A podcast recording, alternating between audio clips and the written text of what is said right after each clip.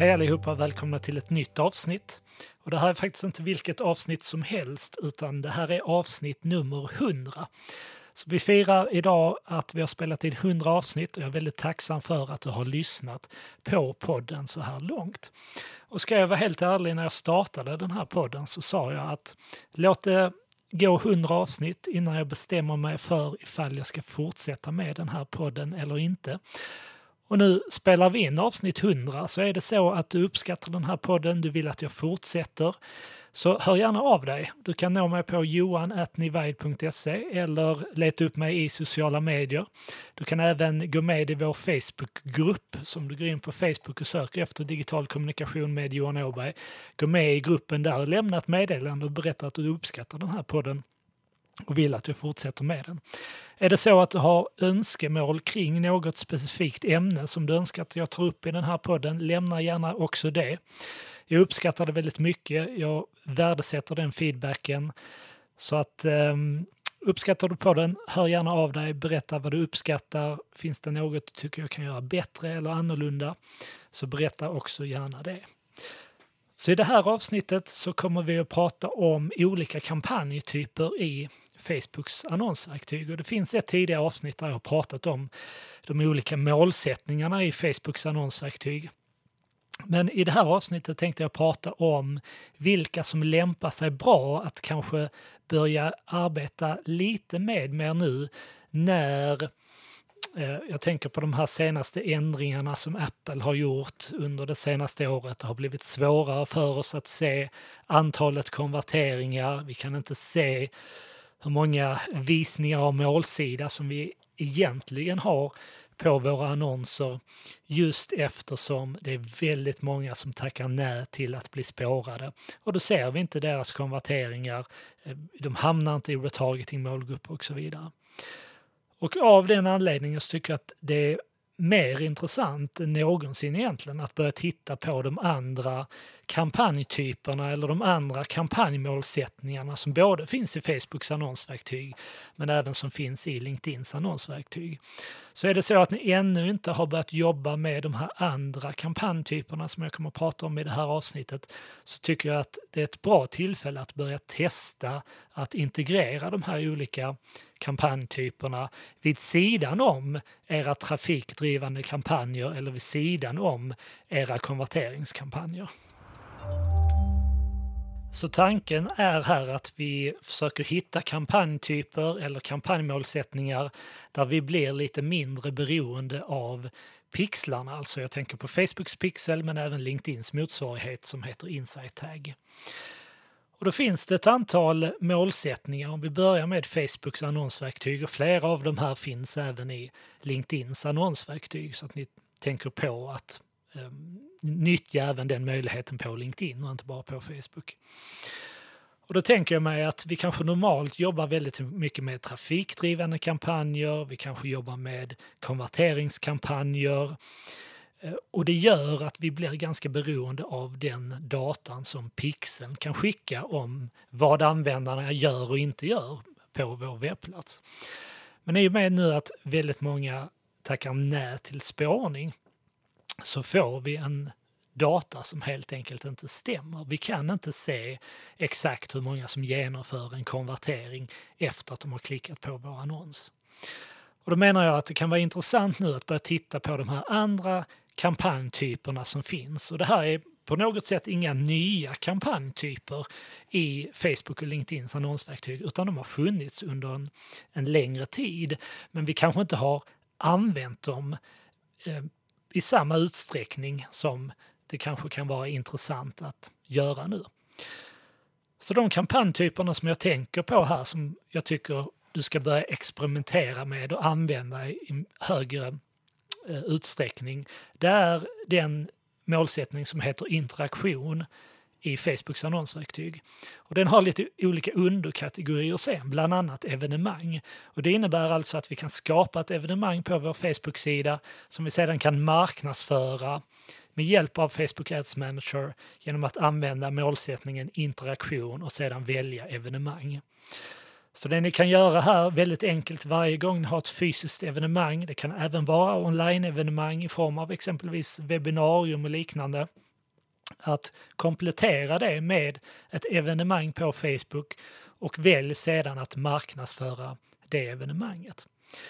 Det ni ska tänka på där det är att vi också kan sätta upp en retargeting-målgrupp för de som interagerar med det evenemanget, som exempelvis svarar att de kommer eller att de kanske kommer. Och det gör att vi kan gå in och skapa en målgrupp som innehåller de personerna för att sedan återmarknadsföra innehåll eller relaterat innehåll till de personerna. Det kan exempelvis vara så att registreringen för evenemanget sker på er webbplats eller någon annanstans och att man behöver påminna de personerna som har interagerat med evenemanget att de inte ska glömma att köpa biljetter eller att de inte ska glömma att registrera sig eller att, att evenemanget är på gång. Andra målsättningar som kan vara intressanta är videovisningar. Så att här kan vi alltså i vår annons ladda upp en video där vi säger till Facebook att det som är viktigt för oss det är att få så många som möjligt att titta på ett videoklipp snarare än att få dem att klicka på annonsen. Likadant här kan vi då skapa retargeting-målgrupper som exempelvis innehåller alla som har tittat på minst låt säga 50% av det videoklippet. Och likadant där, sedan återmarknadsföra innehåll till de personerna. Och det gör att vi behöver inte få personerna att klicka in på vår webbplats för att vi ska kunna nå dem igen och för att kunna fortsätta bearbeta de personerna som har visat ett intresse med tanke på att de har tittat på 50% av klippet eller har interagerat med vårt evenemang på något sätt. Så att interaktion och evenemang och videovisningar, det är två kampanjtyper som jag tycker att ni ska börja integrera mer i er digitala annonsering. En annan kampanjtyp som också har blivit mer intressant nu när vi har en sämre möjlighet att mäta konverteringar på vår webbplats, det är ju lead ads eller lead genereringsalternativet som finns i annonsverktyget. Så här kan vi alltså istället för att peka vår annons till en landningssida där vi sedan frågar efter kundens uppgifter så kan vi istället presentera ett formulär direkt i annonsen. Och det innebär att de konverteringar som sker, alltså de personer som fyller i formuläret, den datan rapporteras och den datan ser vi i annonsverktyget. Likadant här kan vi skapa retargeting-målgrupper så att vi kan exempelvis skapa en retargeting-målgrupp för de som har öppnat formuläret men som inte har skickat det. Och likadant kan vi skapa retargeting till de som har öppnat och skickat formuläret. Så likadant här så gör vi oss mindre beroende av exempelvis Facebook-pixeln då vi presenterar ett formulär, vi kan sedan fortsätta bearbeta de personerna som på något sätt interagerar med det formuläret oavsett om de väljer att skicka det eller inte.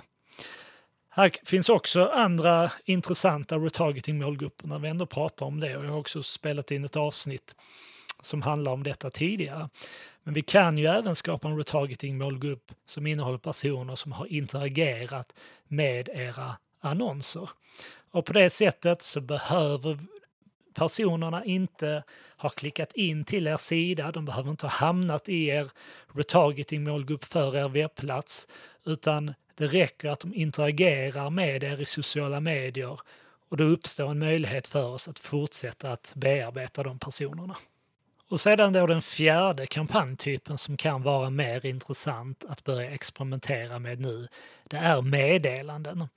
Så här driver vi inte personer till en webbsida eller till ett formulär, utan här uppmanar vi personen att skicka ett meddelande till ert företag via Messenger.